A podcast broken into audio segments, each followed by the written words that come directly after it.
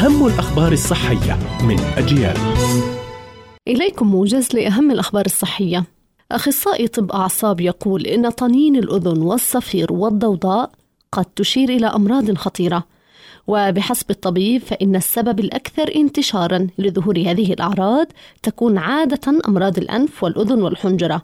وقد يكون أيضا نتيجة التهابات وإصابة العصب السمعي أو مراكز السمع في قشرة الدماغ بسبب أورام مختلفة. كما أن الأسباب الأخرى لظهور الطنين في الأذن مرتبطة بالتهاب أو خلل في المفصل الصدغي الفكي أو أمراض الأوعية الدموية أو مشكلات في العمود الفقري العنقي. وجدت دراسة جديدة من المعاهد الوطنية للصحة أن النساء اللواتي يستخدمن منتجات كيميائية لفرد الشعر يرتفع لديهم مخاطر الإصابة بالسرطان بالنسبة للنساء لا يستخدمن تلك المنتجات. وبينت الدراسة أنه لا يوجد ارتباط بين سرطان الرحم والمنتجات المستخدمة لصبغة الشعر أو التبييض أو الهايلايت أو التجعيد.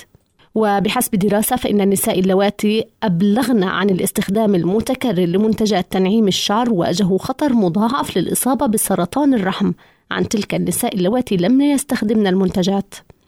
الأبحاث تتوصل إلى أن تناول الطعام في وقت مبكر من اليوم يمكن أن يساعد على إنقاص الوزن، وتناول وجبات الطعام في غضون عشر ساعات يمكن أن يحسن مستويات السكر في الدم والكوليسترول.